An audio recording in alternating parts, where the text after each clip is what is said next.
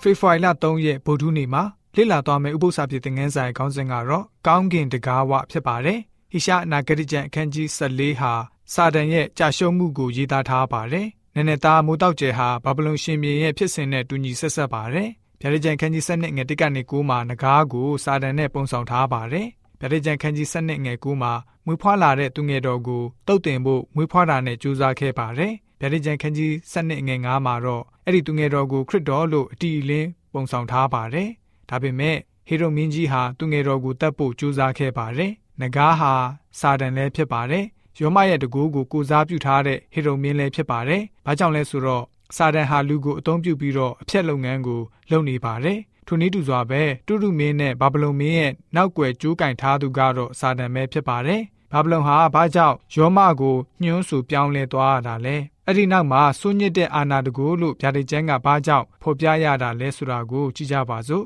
ဗျာဒိတ်ကျမ်းခန်းကြီး14ငယ်8ဗျာဒိတ်ကျမ်းခန်းကြီး16ငယ်19ဗျာဒိတ်ကျမ်းခန်းကြီး18ငယ်9ဗျာဒိတ်ကျမ်းခန်းကြီး18ငယ်2ငယ်10ငယ်21တို့ကိုဖတ်ပါမယ်။ ကောင်းကင်တမန်တစ်ပါးကလည်းဘာဗလုန်မြို့ကြီးပြိုလဲပြီးမိမိမတရားသောမေတုံဤအစိတ်တောက်ဒီဟုသောစပြည့်ရီကိုလူမျိုးပေါင်းတို့အားတိုက်လေပြီးသောဘာဗလုန်မြို့ကြီးပြိုလဲပြီးဟုလိုက်၍ပြောဆို၏မြို့ကြီးသည်တုံးဖြာကွဲပြား၍လူအမျိုးမျိုးနေသောမြို့တို့သည်ပြိုလဲကြ၏ဖျားသခင်သည်ပြင်းစွာသောဒေါသအမျက်တော်၏စပြည့်ဖလားကိုတိုက်ချင်းကဘာဗလုန်မြို့ကြီးကိုအောက်မေ့တော်မူ၏ကျွန်းရှိသမျှတို့သည်လွင်ပြေးကြ၏တောင်များတို့သည်ကွယ်ပြောက်ကြ၏ နဖူး၌အခရာတင်သောဘွဲ့မူကားနည်းနည်းသောအရာဘာဗလုန်မြို့ကြီးပြည်တစားတို့၏အမိမြေ၌ဆက်ဆုံယူရှာပွဲသောအရာတို့၏အမိပေသည်သူသည်ကျေသောတန်နှင့်ကြွေးကြော်၍ဘာဗလုန်မြို့ကြီးပြိုလဲပြီးပြိုလဲပြီးနတ်ဆိုးနေရာဖြစ်လေပြီးညဉ့်ညူးသောဝิญဉ်မျိုး၏တွင်ဖြစ်လေပြီးညဉ့်ညူး၍ဆက်ဆုပ်ပွေသောငှက်မျိုး၏မိခိုရာဖြစ်လေပြီ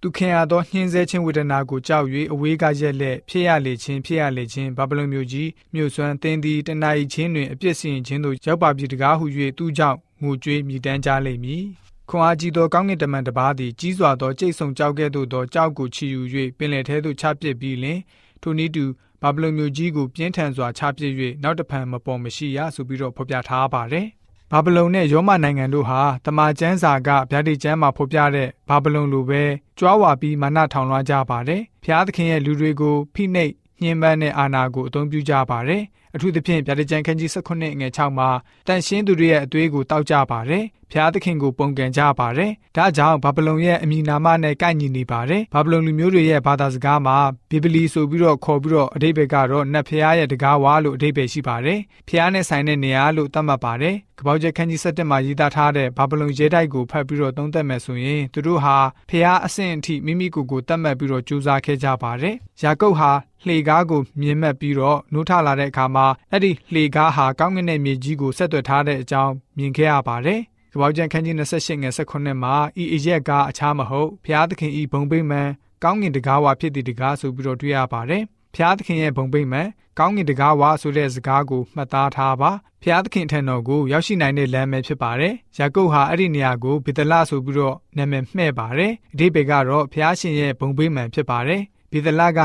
ကောင်းကင်တကားဝါနဲ့ဘာဗလုန်ကနတ်ဖျားရဲ့တကားဝါတို့ဟာလုံးလုံးဆန့်ကျင်ဘက်ဖြစ်ပါတယ်။ ဖျားရှင်ထံတော်ကိုရောက်ရှိဖို့ကလမ်းချင်းမတူပါဘူး။ယာကုပ်ရဲ့လှေကားဟာမူလနေရာကောင်းကင်ကနေဆင်းလာပါတယ်။ဖျားရှင်ကိုဖော်ပြထားပါတယ်။သို့တော့ဘာဗလုန်မှာမျောစင်တွေနဲ့ဇီကုရဗိမာန်တွေရှိနေပါတယ်။လူရဲ့လက်နဲ့တိဆောက်ပြီးတော့မြေဆိုင်အစအူအူတွေဖြစ်ပါတယ်။ဆန့်ကျင်ဘက်လမ်းနှလန်းကတော့ကယ်တင်ချင်းကိုရှောက်တဲ့လမ်းဟာဘယ်လမ်းဖြစ်တဲ့ဆိုတာကိုဆင်ခြင်ရပါမယ်။ဖျားရှင်သခင်ရဲ့ကရုဏာတော်နဲ့လူသားတွေရဲ့အားထုတ်မှုအပြိုင်ဖြစ်ပါတယ်။မှန်ကန်တဲ့ဘာသာတရားတိုင်းဟာ ဘီသလလမ်းစဉ်ကိုအခြေခံကြပါတယ်။အေဖေရစာခန်းကြီးနဲ့ငယ်၈နဲ့9မှာယုံကြည်ခြင်းအပြင်ကျေးဇူးတော်ကြောင့်ကယ်တင်ခြင်းတို့ရောက်ရ၏ဆိုပြီးတော့ဖော်ပြထားပါတယ်။မှားယွင်းနေတဲ့ဘာသာတရားအားလုံးရဲ့အခြေခံကတော့မာနထောင်လွှားတဲ့ဘာဗလုန်ရဲ့စနစ်ကိုအခြေခံထားပါတယ်။အဲ့ဒီလမ်းစဉ်နှစ်မျိုးကိုဆင်ခြင်ပြီးတော့သခင်ခရစ်တော်ပေးတဲ့ပုံပမာဖာရိရှဲနဲ့အခွင့်အရေးကြောင်းကိုသုံးသပ်ဖို့ဖြစ်ပါတယ်။တချင်းရေးဆရာလီယိုနက်ကိုဟင်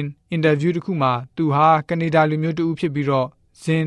ဖုံးတော်ကြီးကျောင်းမှာနှစ်အတန်ကြာနေထိုင်ခဲ့သူဖြစ်ပါတယ်။အင်တာဗျူးမှာကျွန်တော်ကယ်တင်ခြင်းမရသေးဘူးလို့ဖြေဆိုခဲ့ပါတယ်။ယနေ့လေ့လာတဲ့သင်ခန်းစာမှာလီယိုနက်ကိုဟင်ရဲ့အခက်အခဲကဘယ်အရာဖြစ်နေတယ်ဆိုတာကိုသင်အနေနဲ့သိရှိပါသလား။ကျွန်တော်တို့ယဉ်ကျေးသူများအနေနဲ့မိမိတို့ရဲ့ဘဝသက်တာမှာမာနထောင်လွှားခြင်းမျိုးမရှိဘဲနဲ့နှိမ့်ချတဲ့စိတ်နဲ့ဖျားရှင်တဲ့တိုးဝင်ချိခဲ့တဲ့ယုံကြည်သူတွေဖြစ်စေဖို့အတွက်ဗုဒ္ဓနည်းဥပုသ္စာဖြစ်တဲ့ငန်းစာကဖော်ပြထားပါတယ်။